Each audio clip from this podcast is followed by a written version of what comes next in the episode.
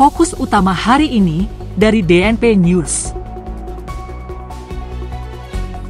Pimpinan Pondok Pesantren Al Zaitun, Panji Gumilang, menggugat Wakil Ketua Umum Majelis Ulama Indonesia atau MUI Anwar Abbas dan institusi MUI sebesar 1 triliun rupiah ke Pengadilan Negeri Jakarta Pusat.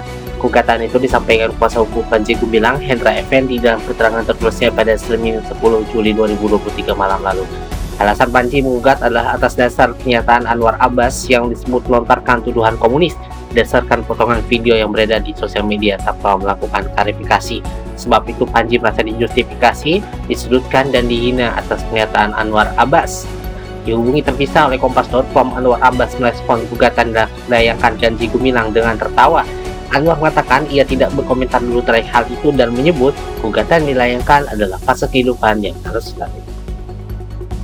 Dewan Pimpinan Pusat DPP PDIP memanggil Effendi Simbolon setelah mengundang Prabowo Subianto dalam sebuah acara dan menyebut Menteri Pertahanan itu cocok mendahlok PDI Bangsa.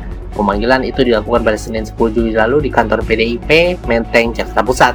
Sekitar 1 jam 20 menit Effendi menghadap Sekretaris Jenderal PDIP Hasto Kristianto dan Ketua Bidang Kehormatan DPP PDIP Komarudin Watubun. Menurut Hasto, berdasarkan keterangan Effendi, Prabowo diundang dalam acara Rakernas Penguat Simbolon Dohot Indonesia atau PSBI di Hotel Area Duta Menteng, Jakarta Pusat pada Jumat 7 Juli lalu sebagai Menteri Pertahanan.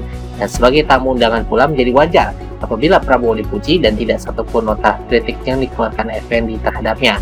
Namun saat memberi klarifikasi, ia juga menjelaskan bahwa ia turut mengkritik kebijakan Prabowo, misalnya membeli pesawat bekas dan beberapa hal lainnya. Hasto menegaskan bahwa partainya memberikan saksi terhadap Effendi usai pemanggilan kemarin. Menurut ia, pemberian saksi atau tidaknya dari DPP terhadap Effendi akan dilakukan pada rapat selanjutnya. Turki pada Senin 10 Juli lalu mencabut veto dan setuju untuk meneruskan permohonan Swedia ke parlemen yang untuk bergabung dengan NATO.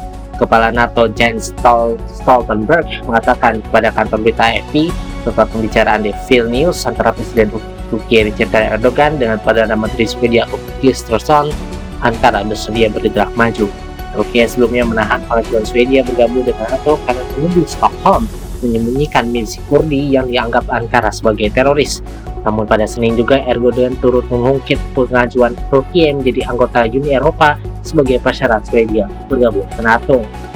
Pembicaraan tiga arah menyatakan Turki dan Swedia akan bekerja sama erat dalam koordinasi kontra terorisme dahil muling katang bunga sa kanila.